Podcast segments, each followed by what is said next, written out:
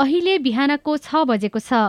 सामुदायिक सूचना नेटवर्क सिआइएनबाट अब प्रसारण हुँदैछ साझा खबर।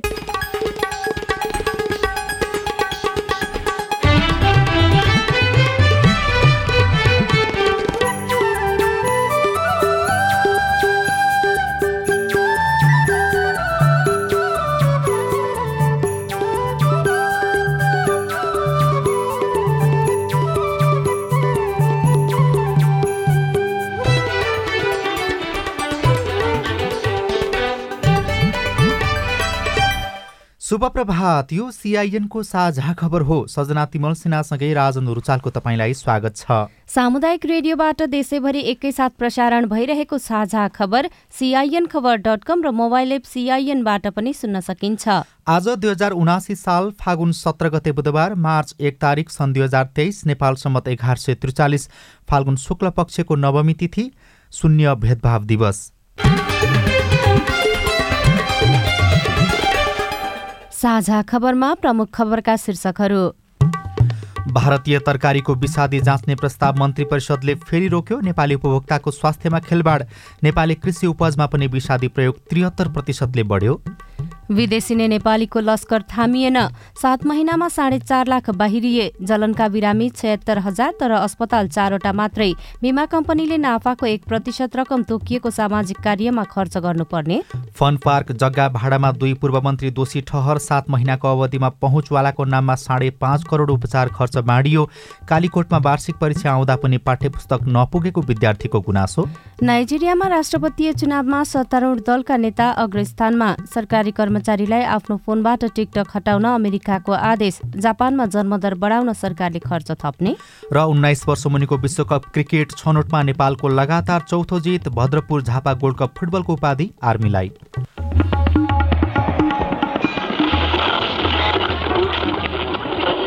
सयौं रेडियो। हजारौं रेडियो कर्मी। र करोडौं नेपालीको माझमा यो हो सामुदायिक सूचना नेटवर्क सिआइएन साझा खबरको सबैभन्दा सुरुमा फन पार्क जग्गा भाडा प्रकरणमा दुई पूर्व मन्त्री दोषी ठहर भएको प्रसङ्ग। समाज कल्याण परिषदको भ्रिकुटी मण्डप स्थित साठी रोपनी जग्गा भाडा प्रकरणमा सांसद एवं पूर्व राज्य मन्त्री टेक बहादुर गुरूङ र पूर्व मन्त्री बद्रीप्रसाद नेउपाने डोसी ठहर भएका छन्। विशेष अदालतका अध्यक्ष श्रीकान्त पौडेल र सदस्यहरू शालिग्राम कोइराला र बलभद्र वास्तोलाको इजलासले काङ्ग्रेस सांसद एवं पूर्व श्रम तथा रोजगार राज्यमन्त्री गुरूङ र पूर्व महिला बालबालिका तथा समाज कल्याण मन्त्री नेउपानेलाई दोषी ठहर गरेको हो। तत्कालीन परिषद उपाध्यक्ष प्रमोद मेहता कोषाध्यक्ष कुञ्ज बिहारीलाल चौधरी सदस्य सचिव रविन्द्र कुमार यादव सदस्यहरू मोहनराज शर्मा मदन कुमार लाल कर्ण र हरि नेउपाने तथा फन पार्क प्रमुख सञ्चालक रविन्द्र गुरूङ पनि दोषी देखिएका छन्। विशेष अदालतका प्रवक्ता दिपेन्द्रनाथ योगीका अनुसार मुद्दा चलाइएका पाँचजनाले भने सफाई पाएका छन्। अदालत अदालतले गुरुङलाई मतियारका रूपमा र आठजना आठजनालाई मूल अभियुक्तका रूपमा दोषी देखाएको छ। पाँचजनालाई विशेष अदालतबाट सफाई पाएको छ भने दोषी नौजना विरुद्ध सजाय निर्धारण फागुन पच्चिसमा हुनेछ। सरकारले विभिन्न व्यक्तिलाई आर्थिक सहयोग भन्दै सात महिनाको अवधिमा साढे पाँच करोड रुपियाँ खर्च गरेको छ। विभिन्न घटनामा ज्यान गुमाउने अङ्गभङ्ग भएका तथा राज्यका विशिष्ट व्यक्तिको उपचारार्थ मन्त्री परिषदको निर्णयबाट राज्यलाई त्यति बराबरको बोझ थपिएको हो। यसरी राज्यबाट लाभ लिएर बोझ थप्नेमा प्रतिष्ठित नेता उच्च ओहोदामा रहेका व्यक्ति अभियन्ता र तिनका परिवार समेत रहेका छन्। पूर्व राष्ट्रपति डाक्टर रामवरण यादव पूर्व प्रधानमन्त्री समेत रहनुभएका नेकपा एकीकृत समाजवादीका नेता झलनाथ खनाल भुटानी मानवाधिकारवादी नेता टेकनाथ रिजालदेखि कोभिडका कारण निधन भएका रामहरि शर्माका परिवार समेत रहेका छन्। यसरी कुल एक सय उन्चालिस व्यक्ति र तिनका परिवार तथा सङ्घ संस्थाले मन्त्री परिषदको निर्णयअनुसार राज्यबाट भुक्तानी लिएको बताइएको छ। राष्ट्रपति निर्वाचनका लागि आजदेखि आचार संहिता लागू हुँदैछ। फागुन पच्चिस गते हुने निर्वाचनका लागि आजदेखि चैत पाँच गतेसम्म आचार संहिता लागू हुने निर्वाचन आयोगले जनाएको छ। आचार संहिता प्रधानमन्त्री संघीय सरकारका मन्त्री मुख्यमन्त्री र मन्त्री संघ प्रदेश र स्थानीय तहका कर्मचारी सुरक्षा निकायका कर्मचारी सरकारी अर्ध सरकारी तथा सार्वजनिक संस्थानका कर्मचारीलाई लाग्ने आयोगले जनाएको छ। त्यस्तै राजनीतिक दल र दलका भ्रातृ संगठन उम्मेद्वार र उम्मेद्वारका प्रतिनिधि मतदान र मतगणना स्थलमा खटिने उम्मेद्वारका प्रतिनिधि सार्वजनिक पद धारण गरेका व्यक्ति संचार प्रतिष्ठान पत्रकार तथा मतदातालाई पनि आचार संहिता लागू हुनेछ। आचार संहिता लागू भएपछि नियमित वार्षिक बजेटमा परेका कार्यक्रम बाहेक नयाँ कार्यक्रम घोषणा गर्न पाइँदैन भने उद्घाटन शिलान्यास समेत गर्न नपाइने आयोगका प्रवक्ता शालिग्राम शर्मा पौडेलले सिआइएनसँग बताउनुभयो। भारतबाट आउने तरकारीमा विषादी परीक्षण गर्ने पछिल्लो प्रयासबाट पनि सरकार पछि हटेको छ।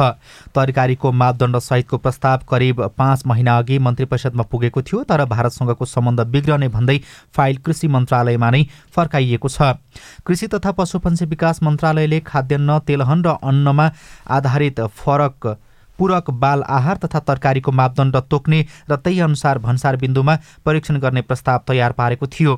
खाद्यान्न दलहन तथा त्यसबाट बनेका पदार्थको गुणस्तर सम्बन्धी प्रस्ताव मन्त्री परिषदबाट स्वीकृत भई राजपत्रमा प्रकाशित भइसकेको छ। तरकारीको गुणस्तर सम्बन्धी मापदण्ड भने राजपत्रमा आएन। खाद्य प्रविधि तथा गुण नियन्त्रण विभागका प्रवक्ता मोहन कृष्ण महर्जनले आयातित तरकारीको गुणस्तर जाँच सम्बन्धी फाइल फिर्ता आएको पुष्टि गर्नुभएको छ। भातबाट आउने तरकारी परीक्षण गर्दा जीवनाशक विषादीको अवशेष भेटिने र त्यस्तो अवस्थामा तरकारी रोकिने भएकाले अहिले यो मापदण्ड लागू गर्न सरकार पछि हटेको हो। भारतसँगको व्यापारिक सम्बन्धमा प्रत्यक्ष प्रभाव पर्ने देखियो। त्यसैले अहिले यो मापदण्ड लागू नगर्ने जानकारी आएको छ। कृषि मन्त्रालयका एकजना अधिकारीले बताएका छन्। खाद्य प्रविधि तथा गुण नियन्त्रण विभागका अनुसार तरकारी फलफुल तथा अन्य बालीमा करिब तीस समूहका विषादी प्रयोग हुने गरेका छन्। तर त्यसको कति मात्र प्रयोग भएको छ भन्ने जाँच नै नगरी भारतबाट आयात गरेर सिधै बजारमा पठाउने गरिएको छ। भारतसँगको सम्बन्ध बिग्रने भन्दै सरकारले जनताको स्वास्थ्य बिगार्ने नीति लिएको छ। यसअघि केपी ओली नेतृत्वको सरकारका पालामा उद्योग वाणिज्य तथा आपूर्ति मन्त्रालयले दुई हजार छयत्तर असार दुई गतेदेखि भन्सार बिन्दुमा क्वारेन्टाइन र जीवनाशक विषादी अवशेष परीक्षण सुरु गरेको थियो। तर नेपाल सरकारको कदमले आफ्ना व्यवसायलाई अप्ठ्यारो परेको जनाउँदै भारतीय दूतावासले असार चौधमा परराष्ट्र मन्त्रालयलाई दबावमूलक पत्र पठाएको थियो। दूतावासको दबावपछि सरकार परीक्षण गर्ने निर्णयबाट अठार असारमा पछि हटेको थियो। यसैबीच नेपालमा रासायनिक विषादीको प्रयोग लगातार बढ्दै गएको छ। प्लान्ट क्वारेन्टाइन तथा विषादी व्यवस्थापन केन्द्रका अनुसार आठ वर्षमा नेपालमा कृषि उपभोग्य वस्तुमा विषादीको प्रयोग साढे बहत्तर प्रतिशतले बढेको हो। नेपालमा व्यावसायिक खेती बढेसँगै कीटनाशक विषादीको आयात किनबेच र प्रयोग बढेको केन्द्रले जनाएको छ। केन्द्रका अनुसार कृषि उपभोग्य वस्तुमा वर्षेनी पन्ध्रदेखि बीस प्रतिशतले विषादीको प्रयोग बढ्दै गएको छ। विषादीको प्रयोग सबैभन्दा बढी तरकारीमा हुने गरेको छ। किसानले जथाभावी विषादीको प्रयोग गर्नु र पछिल्लो समय नयाँ नयाँ रोग किरा बढेकाले विषादीको प्रयोग बढ्दै गएको केन्द्रका विषादी व्यवस्थापन तथा पञ्जीकरण शाखा प्रमुख मनोज पोखरेलले सिआइएनसँग बताउनुभयो। विषादीको प्रयोगले उपभोक्ताको स्वास्थ्यमा गम्भीर असर पर्नुका साथै माटोको उत्पादकत्व पनि घट्ने विज्ञको भनाइ छ। विषादी कम प्रयोग गर्न प्राङ्गारिक खेतीमा जोड दिनुपर्ने विज्ञले बताएका छन्। चालु आर्थिक वर्षको बजेटमा समेटिएका आर्थिक विकास लगानी तथा निजी क्षेत्रसँग सम्बन्धित सन्ताउन्न दशमलव एक प्रतिशत बुँदाको प्रगति शून्य देखिएको छ। आर्थिक विकासका लागि महत्त्वपूर्ण मानिने निजी क्षेत्र तथा लगानीसँग जोडिएको उद्योग भूमि पूर्वाधार प्रत्यक्ष विदेशी लगानी सार्वजनिक निजी साझेदारी लगायतका क्षेत्रसँग सम्बन्धित त्रिसठी बुँदा बजेटमा समावेश गरिएका थिए। चालु आर्थिक वर्षको पहिलो सात महिना बितिसक्दा समेत ती कार्यक्रममा छत्तिसवटा बुँदाको प्रगति शून्य देखिएको नेपाल उद्योग परिसङ्घ सिएनआईले जनाएको छ। उद्योगमा उद्योगका लागि पचास वर्षसम्म जग्गा भाडामा दिने व्यवस्था मिलाउने चितवनको शक्तिखोर लगायत सम्भावित क्षेत्रमा सार्वजनिक निजी साझेदारीमा औद्योगिक क्षेत्र निर्माण तथा सञ्चालन गर्ने र उद्योग स्थापनाका लागि आवश्यक जग्गाको हदबन्दी सम्बन्धी व्यवस्था पुनरावलोकन गर्ने बजेटमा नीति तथा कार्यक्रममा प्रगति शून्य रहेको अध्ययनले औल्याएको छ। चालु आर्थिक वर्षमा नेपालको कुल निर्यात त्रिचालिस प्रतिशतले घटे पनि पोसाकको निर्यात भने साढे दस प्रतिशतले बढेको छ। भन्सार विभागका अनुसार अघिल्लो वर्षको तुलनामा गएको साउनदेखि माघसम्म एकाउन्न करोड रुपियाँले निर्यात बढेको हो। गत वर्षको यही अवधिमा नेपालबाट चार अर्ब तीस करोड रुपियाँको तयारी पोसाक निर्यात भएकोमा यो वर्षको सोही अवधिमा चार अर्ब एकासी करोड रुपियाँको तयारी पोसाक निर्यात भएको भन्सार विभागका सूचना अधिकारी पुण्य विक्रम गौतमले बताउनुभयो। तर तयारी पोसाक उत्पादकले भने यो पर्याप्त नभएको बताएका छन्। सरकारले सहयोग गरे निर्यात बीस प्रतिशतले बढाउन सकिने तयारी पोसाक संघका अध्यक्ष पशुपति देव पाण्डेले सिआइएनसँग बताउनुभयो। नेपालमा उत्पादन हुने तयारी पोसाक बाह्र देशमा निर्यात हुने गरेको छ।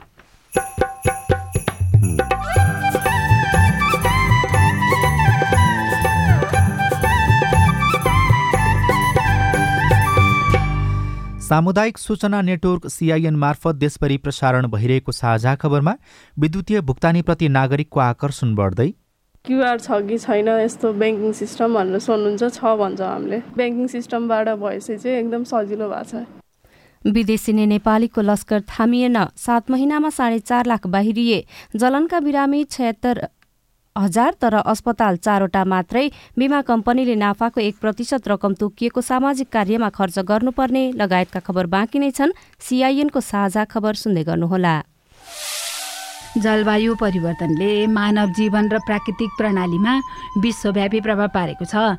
आगामी दिनमा यो क्रम अझै बढ्दै जाने अनुमान गरिएको छ।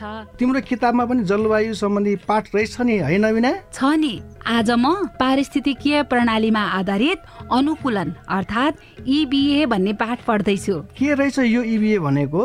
जोखिममा परेका समुदायलाई प्राकृतिक स्रोत र साधनको उपयोग गरी जलवायु परिवर्तनको जोखिम न्यूनीकरण र सामना गरी जिउने र विकसित हुन सहयोग पुर्याउने कामलाई इबिए भनिन्छ। जलवायु परिवर्तनको प्रतिकूल प्रभावको सामना गर्न समुदायहरूलाई सहयोग पुर्याउने यो एउटा नयाँ अवधारणा हो। ए अनि खेती किसानी गर्ने हामीलाई पनि यसले फाइदा गर्छ? गर्छ नि। सुक्खा ठाउँहरूमा कम चिस्यानमा हुर्कन सक्ने बाली नाली लगाउने अनि पहिरो जान सक्ने क्षेत्रमा पहिरो रोकथाम गर्न सक्ने र उपयोगी बिरुवा लगाउने। समुदायलाई फाइदा हुने गरी वन चरण पानीको मुहान जस्ता स्रोतको दिगो व्यवस्थापन गर्ने कामहरू इबिए अन्तर्गत पर्छन् क्या। उसो भए त यो गजबको कुरा रहेछ त। हो त नि धेरै गजबको कुरा हो। इबिए को योजना तयारी र कार्यान्वयन गर्दा स्थानीय जनताको सहभागिता आदिवासी जनजाति संरक्षण कर्मी प्राकृतिक स्रोत व्यवस्थापन अभियन्ता र निजी क्षेत्रका सरोकारवालाहरू बीच पनि समन्वय चाहिन्छ। जलवायु परिवर्तनले निम्ताएका चुनौतीको सामना गर्न जमिन जल र प्राकृतिक स्रोत व्यवस्थापनका सर्वोत्तम उपलब्धिहरूको कार्यान्वयन गरौँ।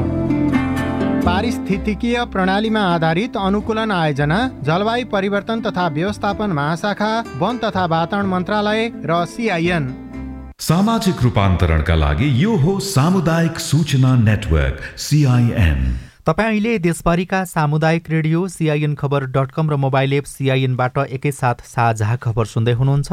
अब आज काठमाडौँबाट प्रकाशित पत्र पत्रिकाका खबर।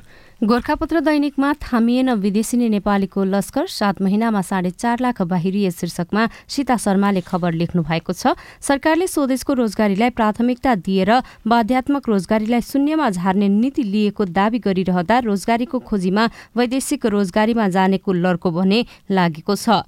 वैदेशिक रोजगार विभागका अनुसार चालु आर्थिक वर्ष दुई हजार उना अस्सी अस्सीको पहिलो सात महिना अर्थात् गत साउनदेखि माघसम्ममा साढे चार लाख भन्दा बढी नेपाली युवा रोजगारीको खोजीमा मलेसिया खाडी लगायतका मुलुकमा गएका छन्।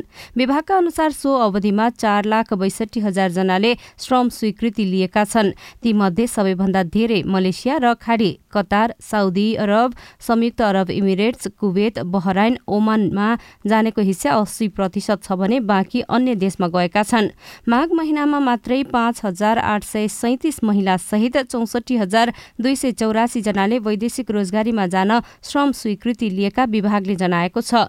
यो संख्या वैदेशिक रोजगारीमा जान व्यक्तिगत श्रम स्वीकृति लिने संस्थागत नयाँ श्रम स्वीकृति लिने र पुनः श्रम स्वीकृति लिनेको हो। सो अवधिमा नयाँ श्रम स्वीकृति लिने नेपालीको संख्या उनाचालिस हजार एक सय चौबिस जना रहेको छ। यस्तै उच्च शिक्षाका लागि विदेशी नचाहनेहरूको पनि लर्को उत्तिकै छ। अध्ययनका लागि विदेशी नै गरे पनि अधिकांशको लक्ष्य रोजगारी नै हुने गरेको छ।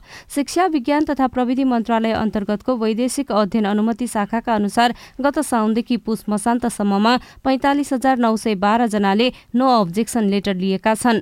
गत आर्थिक वर्ष दुई हजार अठहत्तर उना अस्सीमा एक लाख चौध हजार जनाले यस्तो कागजात लिएका थिए। यसै गरी माघमा सात हजार छ सय अठार जनाले नो अब्जेक्सन लेटर प्राप्त गरेका छन्। नयाँ पत्रिका दैनिकको पहिलो पृष्ठमा जलनका बिरामी छयत्तर हजार तर अस्पताल चारवटा मात्रै भनेर मन्जु टेलरले खबर लेख्नु भएको छ। गत वर्ष मात्रै छयत्तर हजारभन्दा धेरै मानिस आगो र एसिडको जलनमा प्रभावित भएको स्वास्थ्य सेवा विभागको तथ्याङ्क छ। तर जलनमा परेकाको उपचार हुने सरकारी तथा सामुदायिक अस्पताल देशभर चारवटा मात्रै छन्। ती पनि सबै राजधानीमै हुँदा एक हजार पाँच सय बिरामी मात्रै अस्पतालसम्म पुग्ने गरेका छन्। जलनका अधिकांश गम्भीर बिरामीले समयमै उपचार नपाउँदा ज्यान नै गुमाउनु परिरहेको छ भने कैयौँ अपाङ्ग पनि भएका छन्। महाराजगञ्ज स्थित त्रिवी शिक्षण अस्पताल टिचिङ र ललितपुरको पाटन अस्पतालमा जलनको उपचार सेवा उपलब्ध छ तर दुवैमा क्रिटिकल केयर सेवा छैन। यस्ता बिरामीका लागि सातवटा बेड छुट्याइएको पाटन अस्पतालमा सिधै त्यहाँ आएका बिरामीलाई अन्यत्र पठाउन नपरोस् भनेर वार्ड राखिएको हो। यहाँ अन्यत्रका बिरामी आउँदैनन्। यस्तै जलनको उपचारका लागि नौवटा बेड छुट्याएको टिचिङमा यही प्रयोजनका लागि विशेष आइसियु उपलब्ध छैन। छ प्लास्टिक सर्जन रहेको टिचिङमा वर्षेनी दुई सयदेखि तिन सयसम्म यस्ता बिरामी उपचारका लागि आउने गरेका छन्। गम्भीर बिरामीलाई जनस्वास्थ्य सरोकार ट्रस्ट किर्तिपुर अस्पतालमा रेफर गरिन्छ जुन सामुदायिक अस्पताल हो। जलनका बिरामीले जति छिटो उपचार पायो त्यति जोखिम कम हुन्छ तर यसको उपचार हुने सरकारी र सामुदायिक चार अस्पताल काठमाडौँ उपत्यकामा मात्रै छन्। देशभरका पन्ध्र सय बिरामी मात्रै अस्पतालमा पुग्ने गरेका छन्। समयमै उपचार नपाउँदा गम्भीर बिरामी ज्यान गुमाउन विवश छन् भने कैयौँले अङ्ग पनि गुमाइरहेका छन्। जलनका बत्तीसजना मात्रै विशेषज्ञ चिकित्सक रहेको खबरमा उल्लेख गरिएको छ। नयाँ पत्रिकाकै अर्थपत्रिका पृष्ठमा बिमा कम्पनीले नाफाको एक प्रतिशत रकम तोकिएको सामाजिक कार्यमा खर्च गर्नुपर्ने शीर्षकमा खबर छापिएको छ। बिमा कम्पनीहरूले सामाजिक कार्यका लागि निश्चित रकम विनियोजन गर्नुपर्ने भएको छ। नेपाल बिमा प्राधिकरणले बिमकको संस्थागत सुशासन सम्बन्धी निर्देशिका दुई हजार पचहत्तरको चौथो संशोधन गर्दै सामाजिक उत्तरदायित्व अन्तर्गतको गतिविधि सञ्चालनका लागि कम्पनीलाई खुद नाफाको एक प्रतिशत रकम छुट्याउनु पर्ने व्यवस्था गरेको हो। यसअघि बिमा कम्पनीहरूले आफू खुसी रकम विनियोजन गर्दै आएका थिए। प्राधिकरणले निर्देशिका संशोधन गर्दै दफा सन्ताउन्न खमा संस्थागत सामाजिक उत्तरदायित्व सम्बन्धी व्यवस्था राखी कम्पनीलाई अनिवार्य रूपमा संस्थागत सामाजिक उत्तरदायित्व कोष खडा गरी रकम जम्मा गर्नुपर्ने व्यवस्था गरेको छ। कम्पनीहरूले प्रत्येक आर्थिक वर्षको खुद नाफाबाट एक प्रतिशत रकम छुट्याउनु पर्नेछ कम्पनीहरूले कोषमा जम्मा भएको रकम सामाजिक परियोजना प्रत्यक्ष अनुदान खर्च गरिबी निवारण लगायतका सामाजिक कार्यमा खर्च गर्नुपर्नेछ कान्तिपुर दैनिकमा सांसदलाई बैठक र यातायात भत्ता किन भनेर मकर श्रेष्ठ लेख्नुहुन्छ। सरकारले दुई हजार अठहत्तर कार्तिक पन्ध्रमा जारी गरेको सार्वजनिक खर्चलाई मितव्ययी तथा प्रभावकारी बनाउने सम्बन्धी मापदण्डमा भनिएको छ। नियमित कामका लागि बैठक भत्ता प्रदान गरिने छैन। तर कानुन बनाउने सर्वोच्च निकायमा पुगेका सांसदहरूले तलब बाहेक नियमित काममा गए बापत थप भत्ता पनि पाउने गरेका छन्। सङ्घीय सांसदले मासिक छैसठी हजार सत्तरी रुपियाँ तलब बुझ्छन्। यसबाहेक घर नहुनेले मासिक अठार हजार घर भाडा र घर हुनेले मर्मत सम्भार खर्च बापत नौ हजार विशेष भत्ता एक हजार सञ्चार सुविधा तिन हजार बिजुली र धाराको महसुल दुई हजार पाउने गरेका छन्। जनताको समस्या संसद र संसदीय समितिको बैठकमा उठाउने सरकारले ल्याएको विधेयकलाई कानून बनाउने मुख्य दायित्व सांसदको हो। बैठकमा उपस्थित भए बापत दिनको एक हजार भत्ता र एक हजार यातायात भत्ता समेत लिने कानूनी व्यवस्था छ। सरकारले ल्याएको विधेयकमाथि संसदीय समितिमा दफावार छलफल गर्दा समेत भत्ता पाउँछन्। संसद र समितिको बैठकमा भाग लिनु सांसदको नियमित काम हो। संसद सचिवालयका एकजना उच्च तहका कर्मचारीले भन्नुभएको छ मासिक पारिश्रमिक लिएपछि बैठक भत्ता पनि लिनु गलत हो। सांसद समुना सुमना श्रेष्ठ बैठकमा उपस्थित भए बापत पारिश्रमिक लिएर पनि बैठक भत्ता लिनु गलत भएको बताउनुहुन्छ। मुलुकको आर्थिक अवस्था कमजोर भएका बेला बैठक भत्ता कटौती गरेर बालबालिकाको पोषणमा खर्च गर्नुपर्ने श्रेष्ठको सुझाव छ। सांसदहरू भत्ताकै लागि हाजिर गरेर बैठकबाट बाहिरिने गरेको खबरमा उल्लेख गरिएको छ। र नागरिक दैनिकमा सर्वोच्चले प्रधान न्यायाधीश कहिले पाउँछ भनेर प्रश्नवाचक चिन्हमा खबर लेखिएको छ। सरकारले संविधान कुल्चिँदै एक वर्षदेखि न्यायपालिकालाई कायम मुकायमको जिम्मेवारीमा छोडेको छ। संविधानले सर्वोच्च अदालतका प्रधान न्यायाधीशको पद रिक्त हुनु एक महिना अघि नै नियुक्ति प्रक्रिया अघि बढाउने व्यवस्था गरे पनि त्यसको कार्यान्वयनतर्फ भने ध्यान दिइएको छैन। अदालतमा न्यायाधीश घट्दैछन् भने नयाँ नियुक्ति अन्यलमा परेको छ। साझा खबरमा अब हेलो सिआइएन सुनिल राज भारतबाट। मातृका उपाध्याय हाल अछामबाट सङ्घीयता पश्चात धेरै नै असहज महसुस गरिरहेका छन् विशेष गरेर दृष्टिबिन शिक्षकको सन्दर्भमा। मेहनत गरेर शिक्षक सेवा आयोगमा चाहिँ दोस्रो तेस्रो चौथो नम्बरमा पनि पास भएका छन् साथीहरू। तर उनीहरूलाई चाहिँ नियुक्ति दिने सन्दर्भमा कतै ठाउँमा पालिकाहरूले दृष्टिबिन भएकै आधारमा रोकिरहेका छन्। कतिपय ठाउँमा विद्यालयले हाजिर हुन दिएका छैनन्। सरुवाको सन्दर्भमा समेत सरुवा सहमति हामीलाई दृष्टिबिन भएकै आधारमा रोकिन्छ। तपाईँको गुनासो सुनेपछि शिक्षा विज्ञान तथा प्रविधि मन्त्रालयका प्रवक्ता दीपक शर्मा भन्नुहुन्छ। हामीले चाहिँ दृष्टिबिन शिक्षक या कुनै किसिमको अपाङ्गता भएका शिक्षक कसैलाई चाहिँ पक्षपात गर्ने भेदभाव गर्ने फरक व्यवहार गर्ने भन्ने कुराहरू हुँदैन। अब जहाँसम्म तपाईँले उठाउनु भएको सरुवा सहमतिको कुराहरू त्यो भनेको हाम्रो ऐन कानुनले गरेको व्यवस्थापन चाहिँ विद्यालय व्यवस्थापन समितिले दिने हो। छोड्ने विद्यालयले सहमति दिने हो लिने विद्यालयले सहमति दिने हो छोड्ने लिने स्थानीय तहले गर्ने हो। त्यसैले ती विषयहरू चाहिँ स्थानीय तहबाटै हुने हुँदा तपाईँहरूलाई परेको अप्ठ्यारो छ भने त्यो विषय स्थानीय तहसँगै राख्नुहोला। टोलीको बोक्ताङ फुर्चुङ गाउँपालिका वडा नम्बर पाँच भिर्कामण्डको टोली गाउँबाट गोपाल बहादुर कामी बोल्दैछु। नेपाल सरकारले बनाएको अपाङ्ग विद्यार्थीसँग सम्बन्धित ए नियमावलीमा क वर्ग ख वर्ग ग वर्ग र घ वर्गका अपाङ्गले अपाङ्ग परिचय पत्र अनुसार मासिक वा वार्षिक रूपमा के कति र कसरी अपाङ्ग छात्रवृत्ति पाउने व्यवस्था रहेको छ?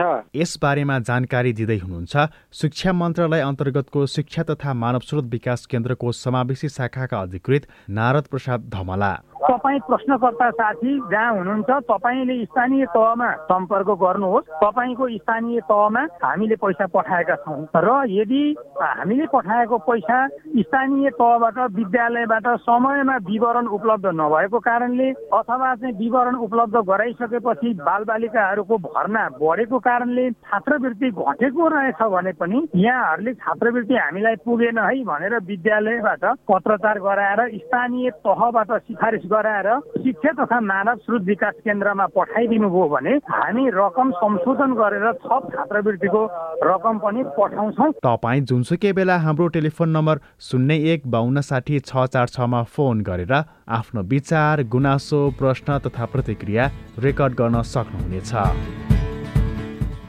साझा खबरमा अब विदेशका खबर। नाइजेरियामा भएको राष्ट्रपति चुनावको मतगणना चलिरहेको छ। अहिले सत्तारूढ दलका बोला टिनुबु करिब पन्ध्र लाखको मतले अग्रस्थानमा हुनुहुन्छ।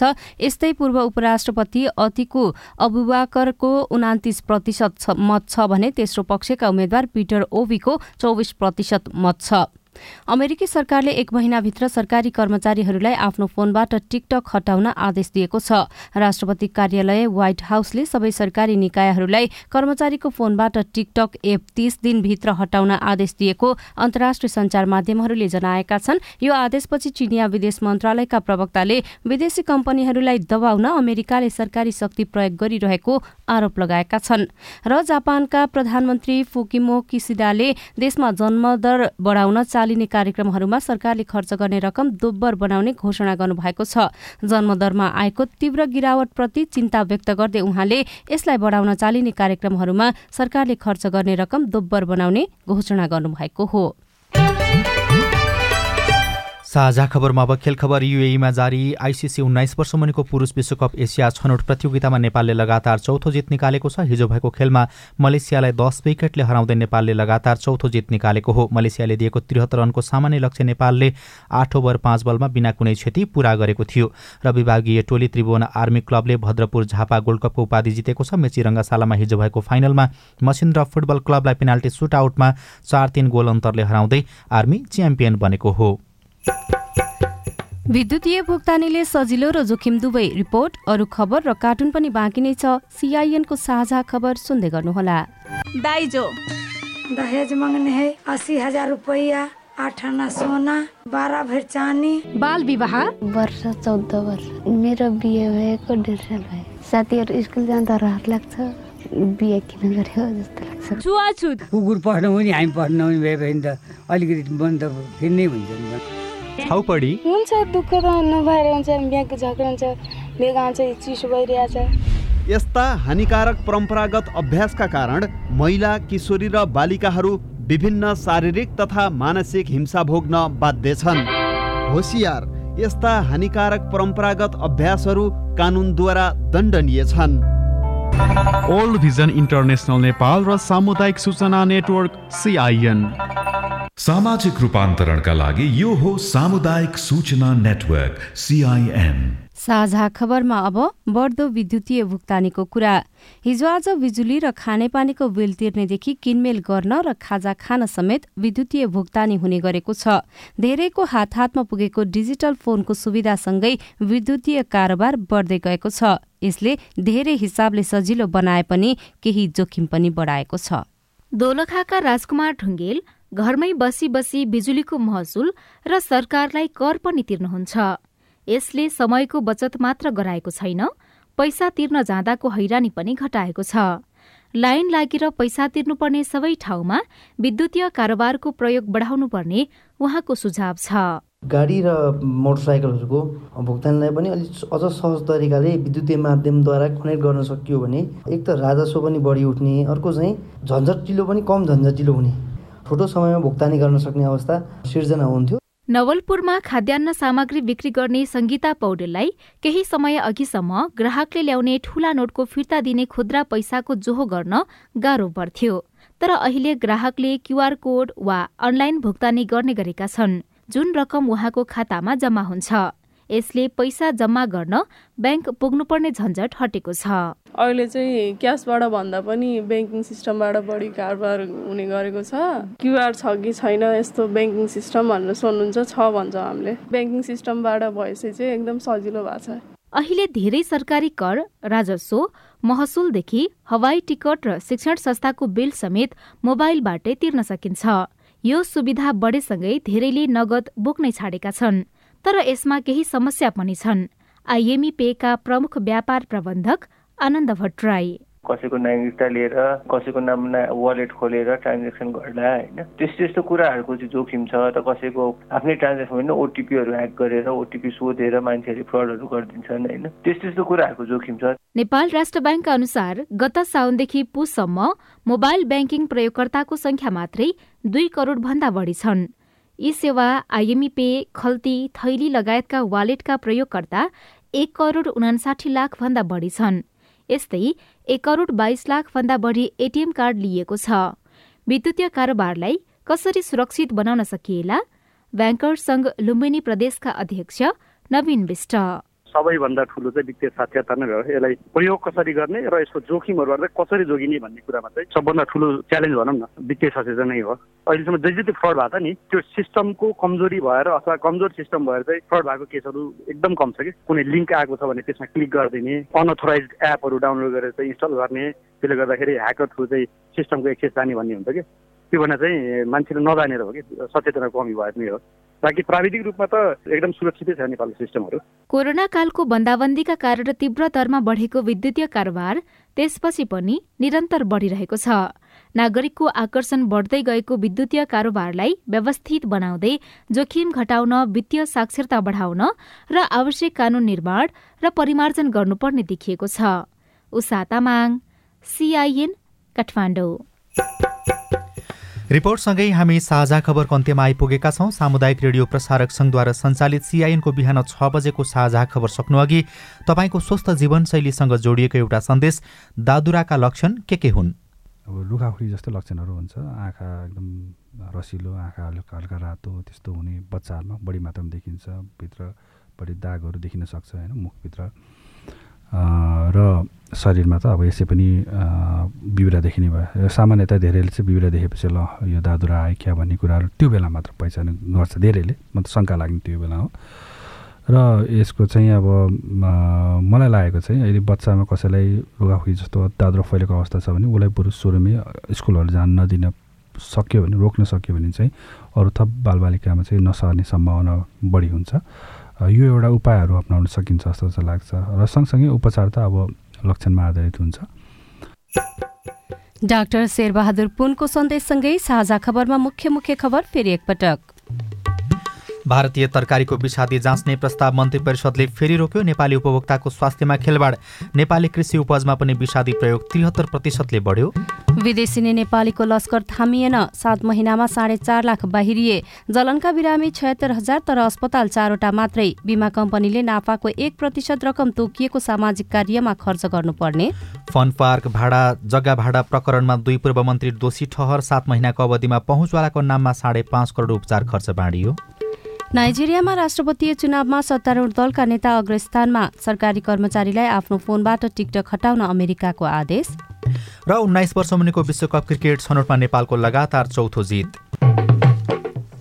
साझा खबरको अन्त्यमा कार्टुन लिएका छौँ। नयाँ पत्रिका दैनिकबाट कर्नर किक शीर्षकमा रवि मिश्रले बनाउनु भएको कार्टुन रहेको छ। यहाँ केही फुल र फुलका बगैँचा जस्तो देखिन्छ। उनीहरू निराश निराश जस्तो देखाइएको छ। खास गरी पछिल्लो पटक बलात्कार जस्तो जगन्य अपराधमा दोषी वा आरोपित भएकाहरू धमाधम छुटिरहेका छन्। अदालत बहकिएको र पीडितलाई थप पीडा दिएको भनेर सामाजिक सञ्जालमा टिका टिप्पणी पनि भइरहेको छ। विरोध पनि हुने गरेको छ। त्यही कुरालाई व्यङ्ग्य गर्न खोजिएको छ। फुलहरू चाहिँ निराश किन देखिन्छन् भने अब कुन चाहिँको घाँटीमा गएर माला बन्नुपर्ने हो भन्ने पिरलो देखिन्छ र माथि चाहिँ यस्तो लेखिएको छ। बाँच्न नसकिने भो फेरि अर्काले जगन्य अपराधमा सफाइ पाउँछ। माला बनाउने भन्दै आइपुग्छन्। गाह्रो छ। हवस् त प्राविधिक साथी सुनिल राज भारतलाई धन्यवाद। अहिलेलाई राजन रुचाल र सजना तिमल सिन्हा विदा भयौँ। तपाईँको आजको दिन शुभ होस्। नमस्कार। यसपछि देशभरिका सामुदायिक रेडियोबाट कार्यक्रम हाम्रो पालिका प्रसारण हुनेछ। सुन्ने प्रयास गर्नुहोला।